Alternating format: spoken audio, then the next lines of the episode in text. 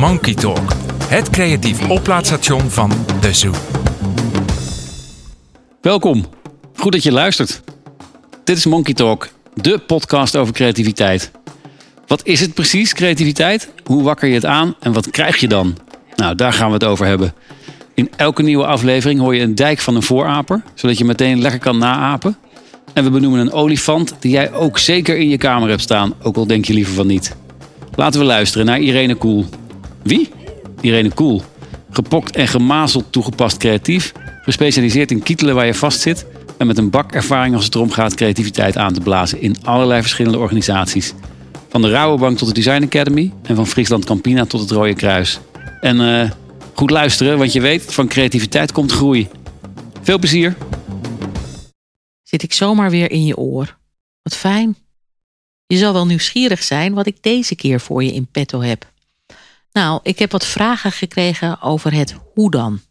Welke stappen zet je nou bij het ontwikkelen van zo'n woest aantrekkelijk concept?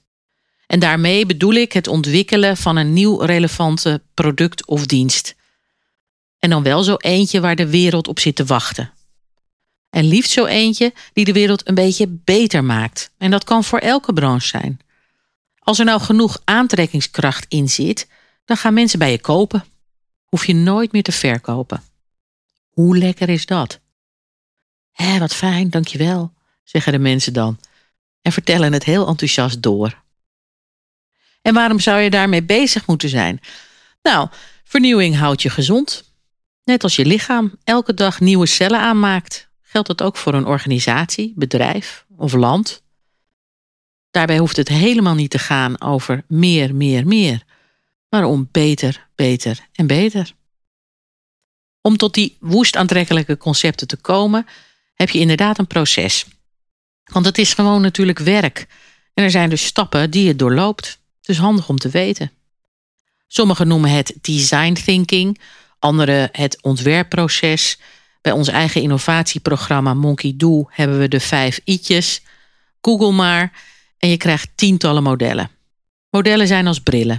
Kies vooral een model waardoor jij het helder gaat zien en die bij je past.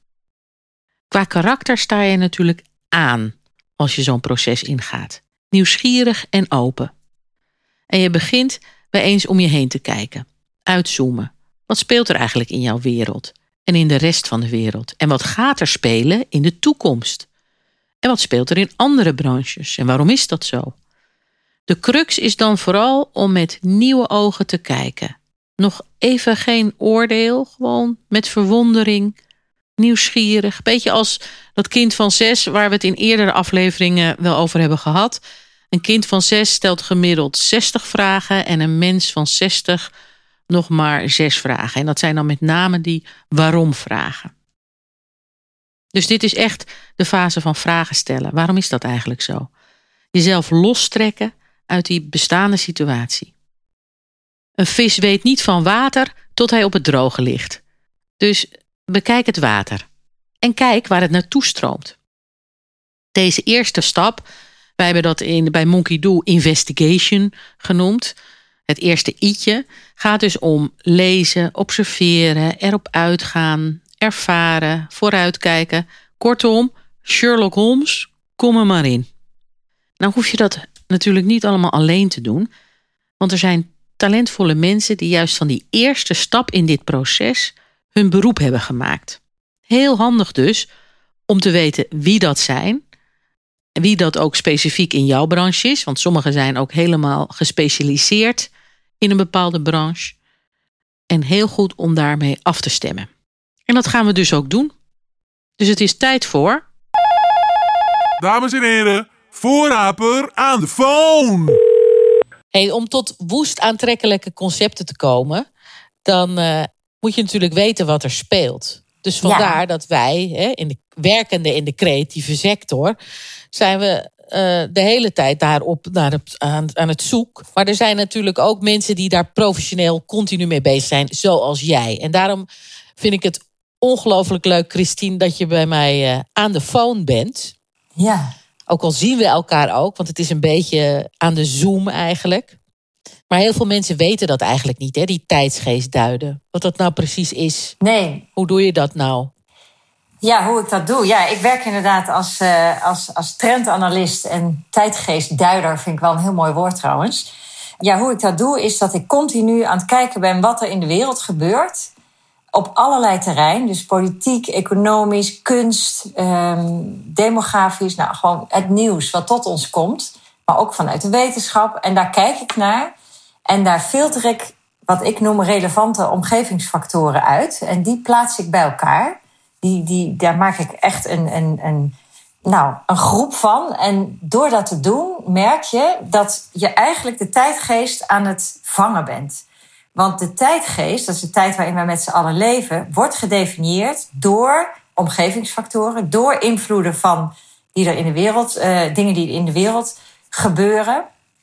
En door dat bij elkaar te plaatsen, krijg je een soort zicht op: oké, maar wat is dan hè, dat spanningsveld waarin we leven? Wat is die tijdgeest? En op het moment dat je de tijdgeest een beetje gaat zien, ga je ook dingen beter begrijpen. Want dan begrijp je waarom we bijvoorbeeld behoefte krijgen aan rust, omdat de tijdgeest heel overweldigend is of heel onvoorspelbaar. Of we krijgen ongelooflijke energie, omdat we ineens zien wat er allemaal kan in de wereld en wat er allemaal kan met wetenschap en technologie en creativiteit die gekoppeld worden. Snap je? Dus door te observeren en te analyseren, krijg ik zicht op wat relevant is en wat dat voor een effect heeft op mensen, op systemen. Dat is wat ik doe. En dan ben je dus een veelvraat van prikkels en informatie als een soort nieuwsgierig stokstaartje. Ja. Ben je dus heel alert. Grappig. Ja. En heb jij ook een soort hele open. Als er nou iemand niet naar de wereld kijkt door een rietje, dan ben jij het wel. Nee. Want je hebt dus eigenlijk een soort 360 graden ja. view. Ja. En, en ben je daar dan mee geboren? Had je dat altijd al? Ja, ik had het als kind ook al wel, maar dan ben je er minder van bewust. Uh, en toen ik op een gegeven moment na mijn korte stondige studie psychologie uiteindelijk naar de uh, academie ging, de kunstacademie uh, toen merkte ik dat, ik dat ik in mijn blikveld heel veel dingen met elkaar combineer. En dat kan soms heel kleinschalig zijn. Ik, dan zat ik letterlijk in de trein naar Amsterdam en dan dacht ik, eigenlijk moet die mevrouw, dat sjaal, moet ze eigenlijk even aan die meneer geven, want dan hebben ze een hele mooie combinatie. Dus ik, en dat is echt het meest basale waaraan ik dat merkte. Maar ook dat ik, uh, dat ik merk van, goh, um, Vanmorgen nog. Ik, liep, ik ben bezig met mijn analyse van de uh, vormentaal voor uh, winter 22-23. En ik heb daarbij een heel mooi um, object van Janko Design. Dat is een speaker. Dat, is een, maar dat lijkt alsof er een barst in zit. Een soort steen waar een barst in zit. En er komt licht uit, maar het is een speaker. En vanmorgen liep ik om zeven uur mijn hond uit te laten. En toen was de hele lucht grijs. Op één barstje na. En daar kwam de zon doorheen. En dat had precies hetzelfde effect. Ik heb ze ook naast elkaar op mijn Insta gezet. En het resoneert als een dolle. Want iedereen ziet ineens weet je, hoe ik kijk. Dus dat kan dat zijn. Maar het kan ook zijn op wat iemand zegt. Weet je, dat je woorden vangt. En dat je ineens denkt, hé, hey, dat woord heeft te maken met die vormentaal. Of met dat systeem. En zo heb ik in mijn hoofd een soort magneten voor, ja, voor dingen die gaande zijn. Maar hoe filter je dat dan? Want uh, ik kan me wel voorstellen dat er dan heel veel binnenkomt. En jij moet toch. Ja, dat is waarschijnlijk. Je hebt natuurlijk gigantisch veel vlieguren al gemaakt. Dat je op een juiste manier zeeft, eigenlijk, om die goudklompjes, die draden te trekken uit al die verhalen. Want het is nogal, als jij zegt, ik hou alles bij. Nou, dat, dat is nogal wat aan informatieoverload. Ja, nee, dat is zeker waar. Um, het is niet zo dat ik ook fulltime in de boeken zit of zo. Want je, je ontwikkelt inderdaad wel een soort uh, relevantiefilter. En wat mij daar heel erg bij helpt, is dat ik ieder jaar maak ik een grote analyse van de tijdgeest. En dat is vaak een helder verhaal. En, en letterlijk voor, voor nu heb ik een bijna een scheikundige formule van hoe de tijdgeest in elkaar zit. En welke principles of progress noem ik dat, daaruit voortkomen. Je kan dat ook consumententrends noemen of drijfveren. Ik noem dat principles of progress. En dat raamwerk helpt mij dus constant als ik iets zie, denk oh ja, valt daaronder. Oh ja, dat, dat, dat hè? Dus ik heb een raamwerk en als iets daar niet in past, dan ga ik, word ik of nog meer een stokstaartje of ik denk het is niet relevant. Ja, ja. Oh ja, geweldig. Dus het karakter en ook oordeelloos zijn bijna.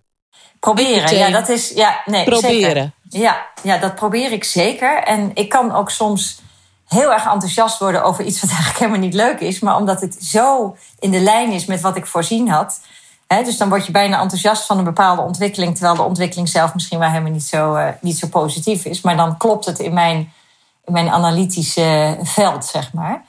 Maar oordeelloos zijn is natuurlijk, dat zou voor ieder mens heel goed zijn. Dat is niet altijd even makkelijk, uh, maar ik streef daar wel naar. Ja, dat is een heel mooi streven. Ik kan me ook voorstellen, als je zo voorop loopt en zo die bewegingen ziet. Je bent toch, je zit soms misschien al met één been in de toekomst, omdat je al dingen ziet die er staan gebeuren. En dan kijk je om en dan zie je daar de mensen die in hun dagelijkse beslommeringen misschien heel hard hun best doen. En dat je, je bent natuurlijk toch een wegwijzertje bijna. Een intuïtief wegwijzertje die zegt: kijk maar, hier moet je heen. Of, hè. Ja. Maar dat dat me ook wel soms frustrerend lijkt. Dat je, dat je dan uh, elke keer moet teruglussen misschien. Nou, volgens mij ben ik daar redelijk onvermoeibaar in. Omdat ik het zo leuk vind om mensen uit te leggen hoe het in elkaar zit. Dat als ik zie dat iemand dat nog niet volgt, dan doe ik een stapje terug en zeg Nou, kijk, dit gebeurt er. Dit is er aan de hand. Dit zie je al in in, in, in deze vormentaal of in dit merk of in deze reclameuiting of nou, waar je ook maar je informatie vandaan haalt. En dan gaan mensen het zien en dan schieten ze ook meteen, dan halen ze me weer in, weet je. Dus ik vind het ook leuk om die beweging te maken. Ja, nou daarin ben je een echte voorraper natuurlijk. Hè? Dat je het leuk vindt om mensen mee te nemen. En te doseren ook. Hè? Je geeft ook les. En, uh, hè? en je bent natuurlijk begenadigd spreker. En dat je het dus leuk vindt dat mensen het dan kwartjes ineens vallen. En dat dan de lichtjes in de ogen gaan. En dan lopen ze je voorbij. Ah, dat vind ik zo leuk. Ja, dat vind ik zo leuk dat je dat gebruikt. Lichtjes, lampjes in de ogen die aangaan. Want dat, is, dat kun je niet tegen iedereen zeggen. Maar dat is wel echt letterlijk mijn streven. Dat ik, uh, en dat is ook wat mij ten diepste drijft. Dat is ook, ook een betekenisvolle wijze.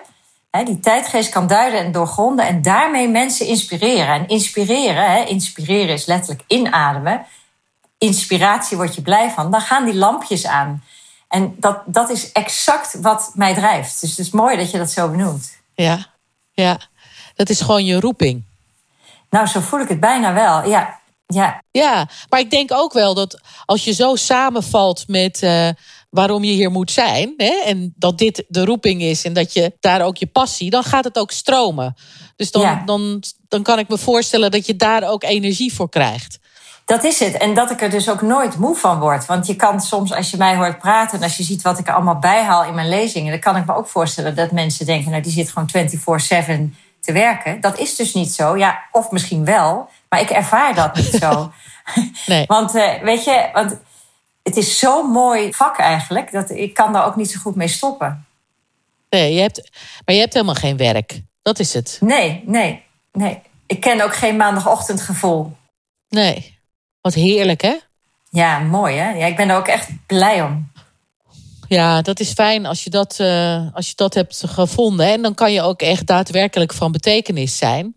Hè? Want dan kan je gewoon volledig geven. En gaan ja. gewoon volledig uitstromen. Gewoon volledig uitstromen. Ja, en dan, echt. Ja, dan hoef je daar ook geen zorgen over te maken. Mensen hebben daadwerkelijk wat aan je advies. Ja, en daar word ik dus gelukkig van. Dus je geeft gewoon je gedachtegoed of je bent aan het sparren. Het is niet alleen maar dat ik het kon vertellen. Het is juist de wisselwerking met de ander. Ik met mijn 30 jaar ervaring in dit vak en een ander met zijn rol als, weet ik veel, persoon in een organisatie of op weg naar iets. Du moment dat je dat samenbrengt, dan ontstaan vaak die hele mooie nieuwe inzichten en ideeën. En uh, ja, dat is, dan ben je van betekenis. En dat is inderdaad waar ik, uh, daar word ik dan blij van. En ik vind het ook helemaal niet erg om dat, zeg maar, achter de schermen te doen. ik help sommige mensen op hele hoge posities. Help ik met mijn denkkracht. Maar er staat niet onder die innovatie Christine Boland. Maar voor mij hoeft dat ook niet. Want ik heb mijn nee. cadeautje al gehad door te zien dat het aanslaat, dat het klopt. Dat die persoon, weet je wel, erin gelooft en het gaat, gaat doen. stralen. Dat ja. ook, ja. Ja, toch weer, ja. Ja, dat is heel erg uh, belangrijk. Dat je, je kan heel goed in dienst staan van, omdat ja. je je kick ergens anders vandaan krijgt. Dat is hem, ja. Dat, ja. En hoe staat het nou met de tijdsgeest? Als je nou het ook even in het, in het licht van creativiteit. En waar leven we, waar leven we in? Je hoeft natuurlijk niet je hele lezing, maar kort, waar leven we in en waar, wat is de beweging? Ja, nou wat je kan zeggen is dat we eigenlijk heen en weer geslingerd worden tussen de turbulentie van een aantal grote transities die sowieso al gaande waren. En de paniek en de frustratie en de beperking die de pandemie ons oplegt, daar worden we constant tussen heen en weer geslingerd. Dus er wordt heel veel veerkracht gevraagd.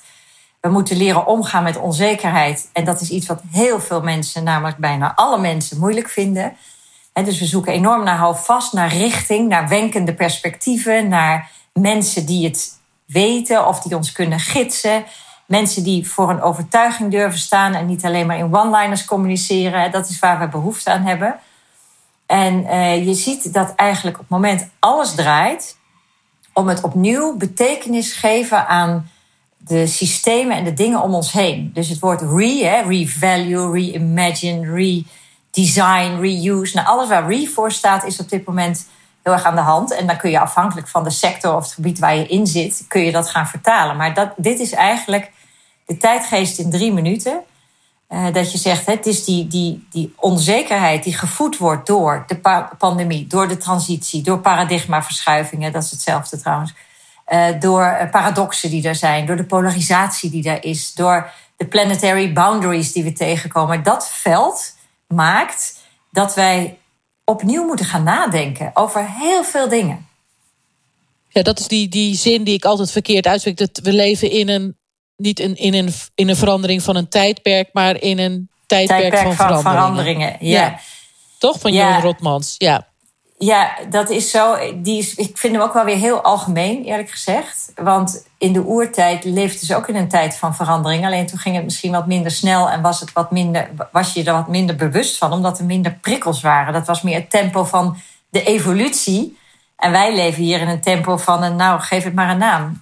Dat is, dat is niet bij te houden, eigenlijk. Hè? Onze, het is ook echt zo dat ons brein, onze interne harde schijf, kan het tempo en, het, en, en de impact van de ontwikkelingen die om ons heen gaande zijn, nog niet bevatten. Dus we lopen eigenlijk met onze bewustwording en ons besef, lopen we een beetje achter de ontwikkelingen aan. Ja, en dat, is, uh, dat heeft gewoon ook tijd nodig. Heeft tijd nodig. En dan is het wel fijn om dan wel de richting te kunnen duiden en te kunnen zien. En hoe speelt creativiteit daar een rol? Nou, creativiteit is eigenlijk uh, cruciaal. In deze tijd bijna nog meer dan bij wijze van spreken uh, een paar jaar geleden. Want creativiteit speelt een rol. Creativiteit is ook uh, denkkracht, is patronen zien, is dingen begrijpen, dingen van een andere kant kunnen bekijken, implicaties voorzien. Hè? Dat is ook, dat is wetenschap, dat is ook creativiteit. En uh, dat je ziet wat er gebeurt, dat je dingen met elkaar koppelt en dat je denkt: oké, maar als dit allebei aan de hand is, dan zou het wel eens daar en daarheen kunnen gaan. En dat is een creatief denkproces. Je kan dat ook, uh, je kan dat ook met, met meetkunde en wiskunde en harde data doen. Maar creativiteit, dat, zijn, dat is het combineren ook van zachte data. Dingen die je tussen de regels doorleest, die met het blote oog niet zichtbaar zijn, maar die er al wel zijn. Daar hebben we creatieve uh, sensoren voor nodig. En dat ook nog kunnen vertalen in woorden, in concepten, in duidingen, maar ook in beeld. En een, een creatief, ook een designer, zeker bijvoorbeeld in fashion, zeker op de catwalk zie je dat heel erg. Ik vind dat de tolk van de tijdgeest. Die ontwerpers maken dingen die eruit moeten. Dat is met kunstenaars ook. Die maken iets, dat moet er gewoon uit. En ik kan dat lezen, wat zij doen. Dus ik kan het niet bedenken, maar ik zie wel dat er lijn in zit in wat er in kunst en in design en in fashion en in food gebeurt. dus creatief kan zijn enerzijds de maker en anderzijds degene die dat observeert en daar chocola van maakt. Ja, in feite, je ziet op heel veel verschillende vlakken van alles gebeuren. En als een soort satéprikker kan jij dan het thema, zie jij dan er doorheen? Ja, dan zie ik een, inderdaad een, een, een draad, een rode draad, een verband, een patroon. Het is, het is bijna, satéprikker is al bijna te lineair. Want het zijn vaak hele complexe patronen hè, die je ziet. Ja, dat. Het is een rhizoom van invloeden uh, die, die maken dat je op een gegeven moment iets gaat zien. En dat is ook, daar is creativiteit voor nodig. Nou, zei je net, had je het over die, uh, dat je dan adviezen geeft aan een, aan een hoge directie of dat soort dingen. En dat je daar verder niet de credits voor hebt. Maar heb je daar wel een, kan je daar wel een voorbeeld van noemen? Ja, wat een leuk voorbeeld is, is de kletskassa van de Jumbo. Ik weet niet of je daar wel eens van gehoord hebt. Uh, de kletskassa die is ontstaan in uh, een gesprek tussen mij en Colette van Eert. Zij is uh, verantwoordelijk voor de, de, de beleving van het merk door de consument, door de mens. En zij is altijd heel erg bezig met hoe kan ik iets doen aan eenzaamheid. Er zijn zoveel mensen eenzaam. Hoe kan ik, Jumbo, als supermarkt daar iets aan doen? En toen zei zij tegen mij, want ja, weet je, in de zomervakantie, dan zijn ouderen nog eenzamer, want dan zijn vaak hun kinderen allemaal op vakantie. En dan zitten ze twee weken helemaal alleen. En, en toen ineens, en we hadden het net daarvoor gehad over dat alles zo efficiënt moet worden en handscanners en maar drie in de rij en er weer uit. En toen dacht ik, wat nou als we dat, eens op, als we dat perspectief eens gaan hacken en het op zijn kop zetten en zeggen: wat nou als je een kassa hebt waar je een kwartier mag kletsen of waar je vier keer mag terugkomen met drie keer dezelfde boodschap, maakt niet uit. Nou, dat vond zij dus een goed idee. Zij geloofde daarin. Ze heeft dat doorgezet. Dat heeft best wel wat voet in de aarde gehad. Maar niet heel veel later was daar de eerste kletskassa in uh, Vlijmen, was dat geloof ik. En um, dat is, dat is zo'n um, succes geworden. Vooral in de zin van het, het, was in juni geloof ik geïntroduceerd. Kijk, nu ligt, ligt daar even een rust op. Maar er worden er uiteindelijk 30, 40 nog uitgerold. Die kletskassa, ja, dat levert in eerste instantie geen euro's op. Maar wel een hele grote glimlach bij heel veel mensen. En het was bijvoorbeeld het woord van het jaar geworden bij de NRC. Ja. En voor een van de drie woorden van het jaar. In Amerika is het op het nieuws geweest. In België was het een quizvraag. Het zat in de oudejaarsconferentie. Dus dan denk ik, weet je, dat is een niet-materieel succes. Ja, het is onbetaalbaar. Mediawaarde. Mediawaarde Media van heb ik jou daar. Ik merk het ook als ik in mijn lezingen vertel, hoe groot die zaal ook is, 80% gaat glimlachen. Van het idee. Ja, tuurlijk. Weet je, en ze zetten de allerleukste cashiers daarachter. En ze hebben nu ook een kletspakket gemaakt. Dus dan heb je een maaltijdbox voor twee personen, maar er zit iets te veel in. En een heel leuk bakje erbij en een kaartje. En dat kan je dan aan je buurman of je buurvrouw of iemand geven. Dus je kookt voor, je eet het met z'n tweeën op, maar je maakt één bakje voor iemand in de buurt. En dat geef je dan weg. Nou, dat vind ik mooie concepten die dan ontstaan. Ja, dat is zo waardevol. En dat, uh, daar moeten ze veel meer. Het is een beetje social design, hè, wat we met uh, Manon van Hoekel ook hadden. Dat is echt social design. Dat komt er nu helemaal aan. Ja, en je geweldig. ziet hoeveel. Eh, en dat is helemaal niet alleen maar goed doen, maar je ziet echt hoe relationeel, hoe belangrijk dat voor een merk is. En dat weten we natuurlijk als geen ander. Wat je zegt inderdaad in die podcast, die ook vond ik ontzettend leuk over social design. Wat je dus eigenlijk doet, is dat je creativiteit gebruikt om processen tussen mensen en interactie te verbeteren.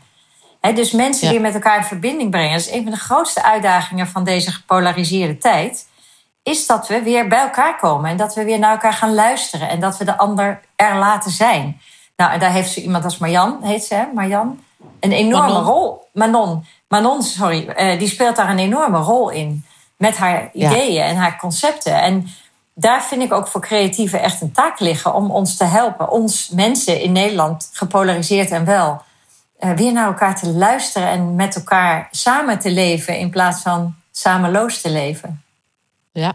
Ja, samenloos. Oh, als je dat woord zegt, dan denk ik toch meteen weer aan de trendreden. Ja, daar is He? het ook een woord uit. Ja. Die heb je toch ook mooi maar opgezet. En uh, jaar in, jaar uit was jij mede auteur ja, ik, van de trendreden. Nou, hij, is, opgezet door Tom Kniesmeijer. Maar ik heb wel vanaf het eerste uur, dus een heel decennium, heb ik daaraan meegeschreven en uh, ge, gevocabuleerd. Hoe zeg je dat? Mooie woorden verzinnen, mooie zinnen maken, de tijdgeest vangen. En dat was toch wel, uh, dus tijdens de troonrede, als er de troonrede was, dan kwam er ook de trendrede. En die schreven jullie dan met een heel stel van eigenlijk vakgenoten van jou, hè? allemaal ja. tijdsgeest.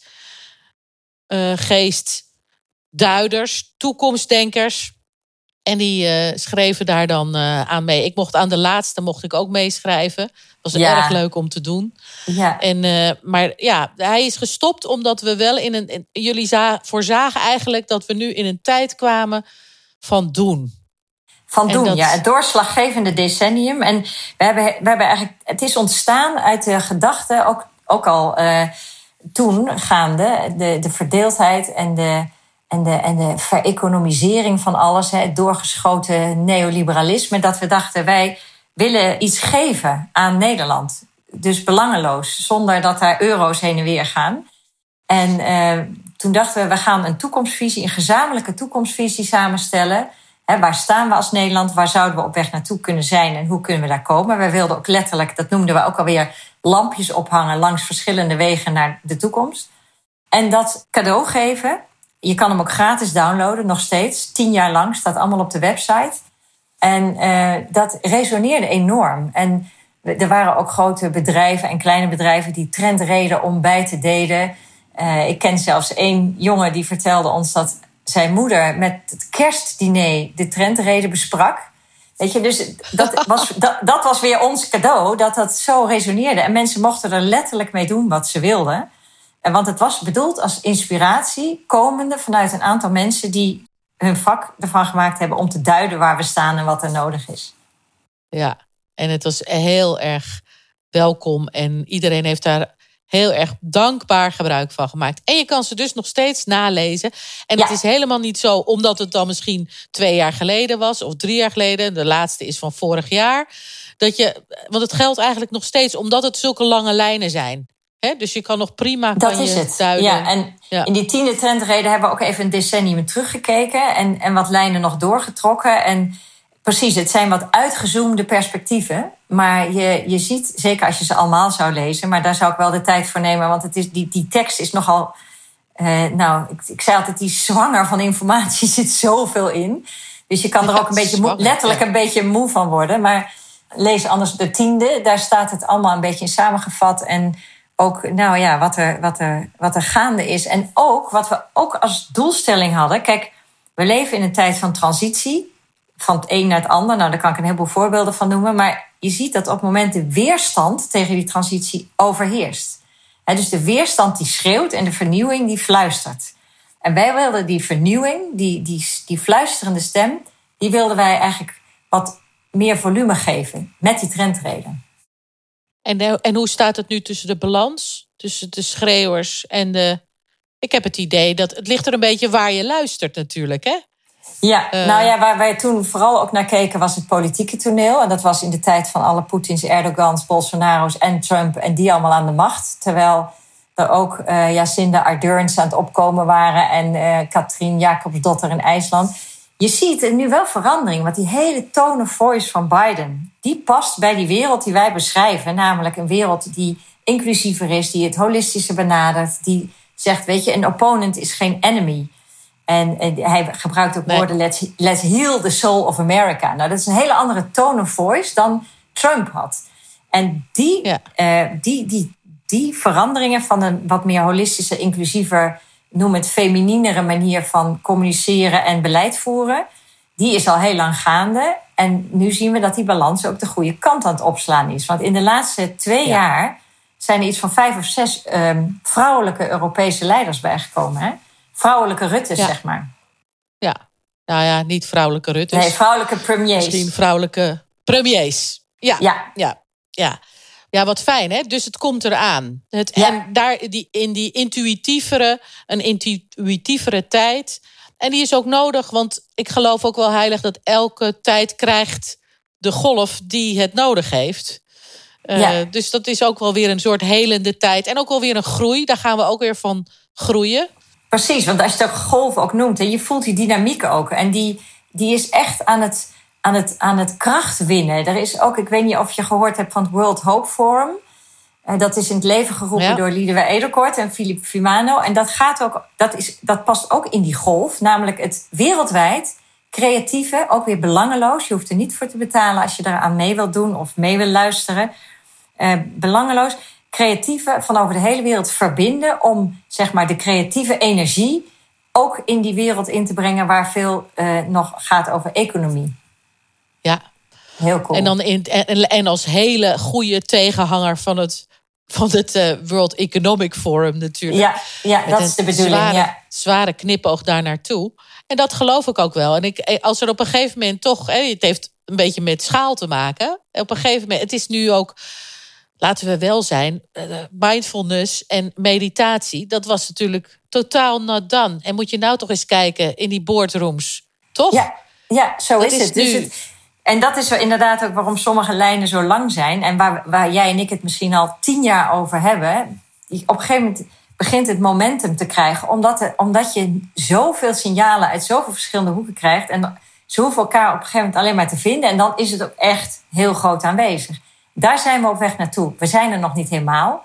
Kijk maar in de krant. Ik bedoel, wat er allemaal gebeurt. Het is nog steeds weerstand en, en, en uitsluiten en dat allemaal. Maar het is een kracht die niet te stoppen is.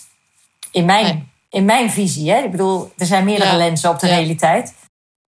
Ja, nee, maar dat, dat zie ik ook. Wat ik wel dan heel knap aan je vind, is dat je niet ongedurig raakt. Misschien doe je dat stiekem wel hoor, maar ik, ik kan dat nog wel hebben. Dat ik dan ongeduldig word. Dat het me Ja. niet snel genoeg gaat. Of dat ik dan.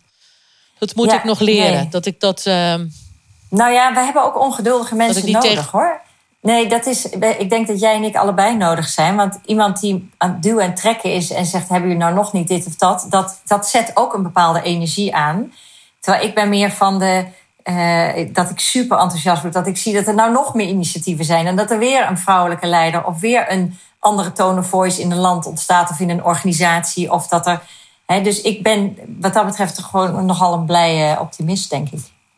Ja, en je hebt inderdaad al die snuitjes nodig. En soms Ja. moet je iemand hebben die even een beetje functioneel boos wordt. En een beetje, waarom Ja. is het nou nog niet gebeurd? En Ja. dan dat mensen even schrikken en even een huppakee pepertje in de reet krijgen. Zodat Ja. anderen dan weer... En dan hebben ze weer eens een beetje complimenten en applaus. En wat doen jullie het al goed? Kijk eens hoe ver jullie al zijn. Ja, Dat is ook een leuk spel, is- hè? Om, om met elkaar nou- te spelen. Ja. Ja, en dat moet je kunnen. Dat moet je kunnen. Want ik zit zo niet in elkaar. Jij wel. En dat is juist leuk. Want het is allebei nodig. Ik ga mensen eerder verleiden met... Moet je hier kijken. Moet je kijken hoe leuk dat. En inspirerend. En weet je, dus dat is een andere manier om... We komen allebei van A naar B met onze werk. Wij hebben Ja. alleen een, ander, een andere stijl. En ik geloof heel erg Ja, dat ze ben- allebei nodig zijn. ja, ik ben niet altijd alleen maar boos, hoor. Nee, dat Natuurlijk, weet toch eh, iedereen? Het is een beetje... Ja. Nee, anders zou niemand naar je En- en- podcast luisteren. Hey, en en eh, jouw eigen creativiteit, hoe voed je jezelf daarin? Het is eigenlijk je werk misschien al. Vul ik het dan al in? Maar wat doe Een je dan nog wel. meer? Eh, nou, ik ga veel de natuur in. Ik, loop, eh, ik, ik woon ook in de natuur en ik loop minstens twee keer per dag een half uur tot drie kwartier zonder telefoon, zonder muziek, zonder alles door de weilanden met mijn hond. Het zal niemand verbazen dat je dan juist je goede ideeën krijgt. Dus daar, ook daar gaat het werk gewoon door. Maar ik ben dus heel graag buiten en in de natuur. En ja, waar voed ik het mee? Ja, het is inderdaad mijn werk. Want ik ben natuurlijk altijd aan het researchen. Van dan zie ik weer een mooie kunstenaar en dan duik ik daar weer in. Of ik zie een wetenschappelijk mooie tekening. Denk, waar gaat het over? Of ik ben nou een heel mooi boek aan het lezen over Natural Intelligence van Leen Gorrissen. Geweldig boek. Nou, daar. En een ander moment zit ik gewoon weer plaatjes te kijken. Maar dat gaat dus allemaal met elkaar resoneren. En op een gegeven moment vallen er dingen op zijn plek. En dan heb ik weer eh, nou, een stap gezet in mijn eigen analyse. Wel, wat, moet, wat moeten mensen gaan lezen of kijken of luisteren als tip? Om een beetje, behalve jouw website natuurlijk en alles wat daar voor goodies staan. En mijn Instagram. Om een beetje geïnspireerd. En je Instagram, dat is ook heel erg fijn. Instagram is, eh, is leuk voor, voor beeldende inspiratie. En mijn LinkedIn is meer inhoudelijke inspiratie. Dus daar kunnen mensen kiezen. Maar je vraagt, wat moeten mensen? Nou, weet je, wat je eigenlijk moet, is het zo snel mogelijk weer in contact komen met je eigen intuïtie. Met je eigen gevoel of met je hart, zeg maar. En durven vertrouwen dat wat jou inspireert, dat dat relevant is. Dus je hoeft niet zozeer naar iedereen te luisteren. Je moet naar je eigen hart. Wat wil mijn hart? Maar dat, dat kan alleen maar als je wel de moeite neemt om niet alleen maar vanuit je hoofd te leven en je niet te laten te drijven door bijvoorbeeld alleen maar materieel succes. Maar dat je voor jezelf gaat formuleren: oké, wat vind ik belangrijk? Waar word ik gelukkig van? Nou, voor sommige mensen is dat misschien alleen geld, maar voor andere mensen is dat ook van waarde zijn, van betekenis zijn, geïnspireerd raken, nou dat soort dingen. En dan kijken of je dat ook letterlijk kan voelen. En dan op een gegeven moment, als je daarop aangesloten bent, dan, dan ga je de dingen ook zien die jou inspireren. En dan ga je dus ook daar creativiteit bij voelen, want je gaat het zien. En dat is waar mensen enthousiast van worden. En dan hoef je er helemaal niet meer bij na te denken. Nee, want dan weet je het. Weet je, en Ja. anders dan, dan moet je mij maar inhuren. Dan ga ik het je laten zien. Maar kijk, dat is ook mijn missie in mijn werk. Kijk, je hebt grote consultancybureaus die komen je eh, vertellen wat je zou kunnen doen. En ik ga naast je zitten en ik ga jou laten zien wat je zou kunnen doen. Ja, ofwel misschien samen met elkaar op ontdekkingsreis te gaan. Dat is het. Eh, hè? ja, je wat, doet het, het wat, de bedoeling, Ja. wat de bedoeling is. Ja, wat Ja. de bedoeling is.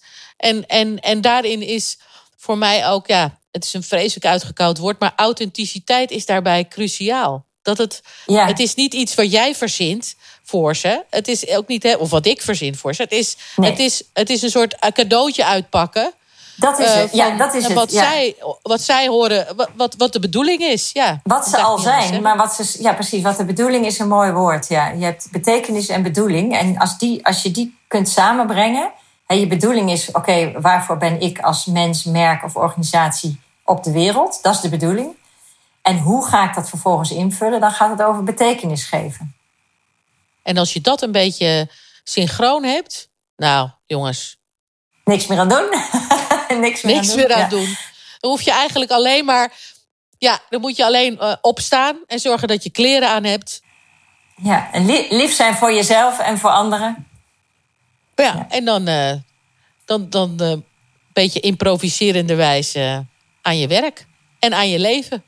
Ja, en je, precies. En nou ook gewoon dat je open staat. Hè? Want natuurlijk, er moet ook, er moet ook werk gedaan worden. Dat snap ik ook. Maar toch, hè, als je het hebt over creativiteit, hoe boor je dat aan? Dan, nou, dan zou ik mijn antwoord weer gaan herhalen. Ja.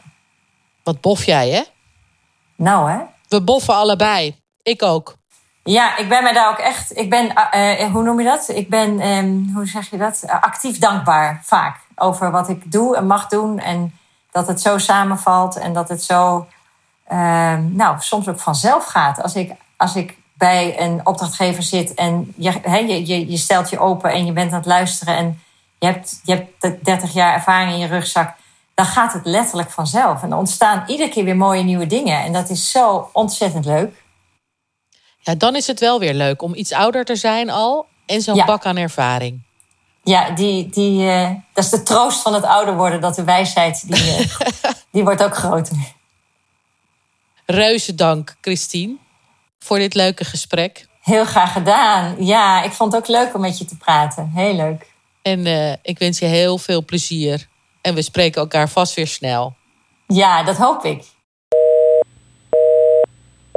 Nou, dag, voorraper aan de phone. Een organisatie die zich de toekomst niet kan voorstellen, zal die toekomst ook niet meemaken. Schreven de wetenschappers Hamel en Pralet ooit. Heel streng. Maar wel belangrijk dus om mee bezig te zijn, zo aan het begin van je ontwikkelproces. Lijkt mij heel handig om stokstaartjes zoals Christine om je heen te hebben. Dikke aanrader.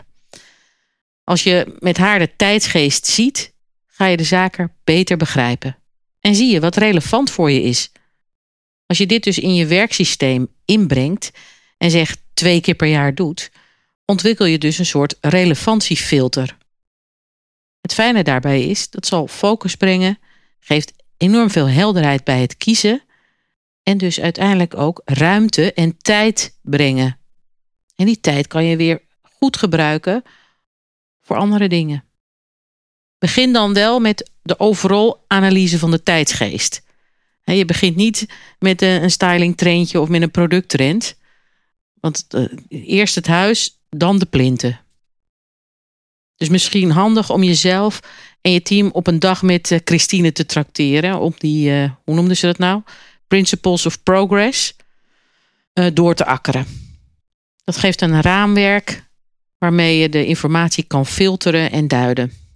Zal niet in een dag gedaan zijn, maar geef je eventjes de handjes en voetjes en dan kan je ermee gaan spelen. Ook belangrijk hè, spelen. Want dat is het. Het geeft ook enorm veel inspiratie en het kietelt je creatieve bedenkspier als je hiermee bezig bent. Dus maak dit een onderdeel van je werk.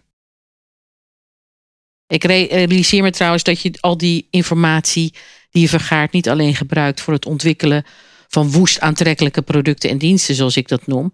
Maar wij gebruiken het bijvoorbeeld ook voor het ontwikkelen van eh, strategie voor een bedrijf, eh, voor een positionering of voor het ontwikkelen van eh, waarom zijn we hier eigenlijk, wat hebben we te doen. Dus meer de, de B-hack, Big Hairy Audacious Goal. Dus het is sowieso handig om te doen. Maar dat had jij natuurlijk als slimme luisteraar al lang door. Er staan tal van goodies op de website van Christine, gratis te downloaden. Neem dan een kijkje op haar website, die zet ik bij de show notes. En als je de laatste trendreden in PDF wilt ontvangen, meld je dan even aan op de website van de Zoo. Op de homepage kan je je naam en eh, e-mail achterlaten. Bij eh, ja, leuk, hou me op de hoogte. En eh, dan mailen we even de laatste trendreden. En sowieso, hè, als je vragen hebt over het onderwerp, gewoon even mailen. Dan kan ik je antwoorden. Kijk, een olifant. Olifanten benoemen. Monique stuurde me een mail. Ja, leuk. Die woest aantrekkelijke concepten maken. Maar hoe krijg je iedereen intern goed mee? En hoe hou je dat concept dan scherp? Ik zit in een middelgrote organisatie met een krachtige directie. En zodra het aankomt op de beoordeling van marketingconcepten en creativiteit, is iedereen ineens een expert. En wil iedereen er iets over zeggen. Ja, dan hou ik het concept niet altijd meer scherp. Heb je nog tips om dat beter te doen? Nou, Monique, heel goed punt. Ik heb door de jaren heen heel wat concepten de kattenbak in zien gaan, omdat iedereen zich ermee ging bemoeien. A camel is a cow designed by a committee. Ik zie dat trouwens in elke sector, hè? of het nou een NGO is of uh, onderwijs, gezondheidszorg. Dus wees gerust, het is overal zo. Dus dat moet je goed leren. Zo'n concept begeleiden, en ik zeg bewust begeleiden en niet verkopen. Denk even aan het advies van Frank in de aflevering over conflict en creativiteit. bij verkopen ga je echt duwen. Nou, dat is kansloos. Dus je moet een, een, een situatie creëren waardoor ze gaan kopen. Luister die dus ook nog even na. Maar zo'n concept begeleiden begint niet als het concept in ontwikkeling is of bij de briefing. Het is eigenlijk het werk wat je doet vooraf. En eigenlijk continu. En hoe je daar bewust mee omgaat. Een beetje als die Olympische sport met die, uh, hoe heet het ook weer, schijf. Met die schijf en die bezempjes. Curling. Dat je dan zo heel druk ervoor moet bezemen, zodat die schijf er heel makkelijk overheen glijdt. Dat is eigenlijk het proces.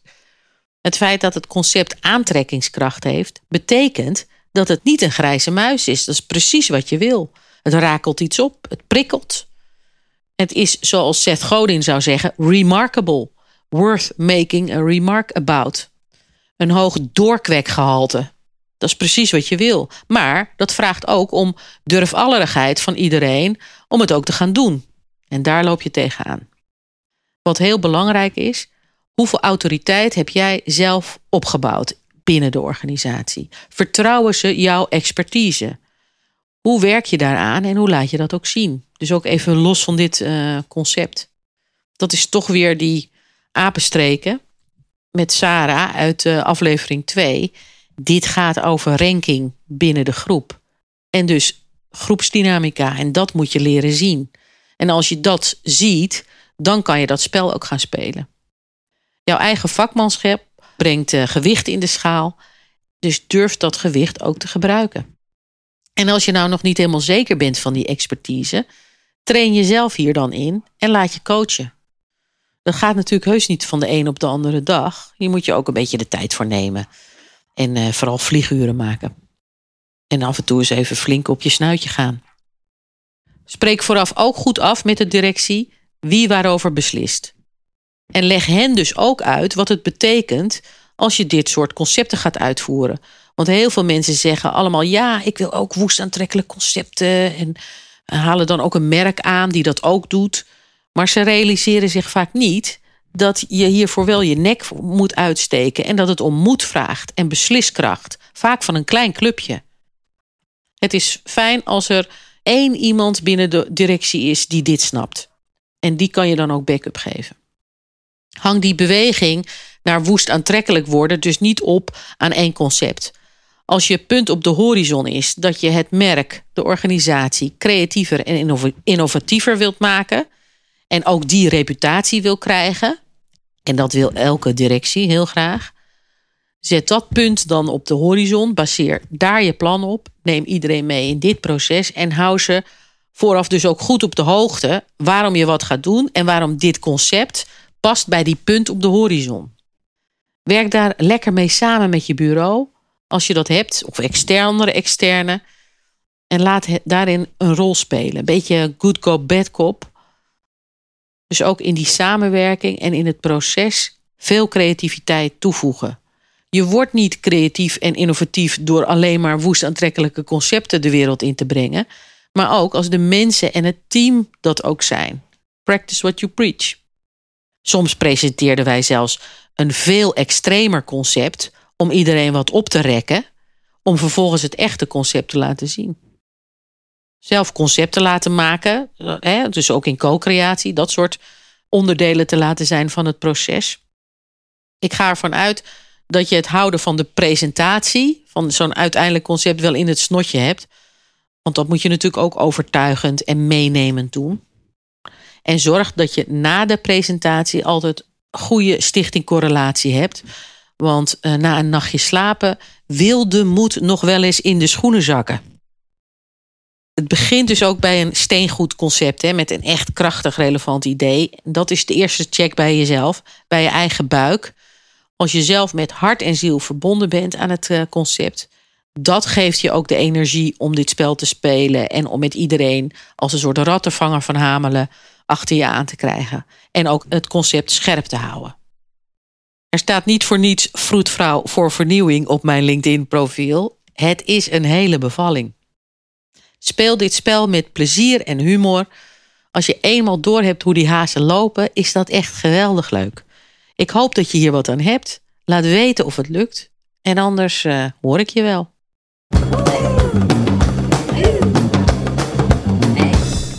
Dit was het weer. Het creatief oplaadstation Monkey Talk gaat weer even dicht. Gelukkig zijn er inmiddels genoeg afleveringen om te luisteren. Graag hoor ik van je wat je van Monkey Talk vindt. Laat gerust een recensie achter of stuur me een mail. Geef het sterretjes, geef het door. En wil je je petje afnemen voor Monkey Talk? Dan kan dat ook. Kijk in de show notes hoe dat kan. Zo word je vriend van de show. Ik hoop dat je het waardevol vond om te luisteren en dat je inspiratie hebt gekregen voor die eerste stap op weg naar een woest aantrekkelijk product of dienst. Sherlock Holmes, ga maar lekker aan de gang. Uitzoomen en eens naar de toekomst kijken. Maak het stokstaartje in jezelf wakker. Schrijf op een A4 wat en hoe je dat gaat doen. Zullen we dan afspreken over twee weken dat je dan dat plan klaar hebt? Even een stok achter de deur. Een deadline stellen. Helpt altijd. En ondertussen wel een beetje plezier maken. Tot de volgende keer. Dag, dag.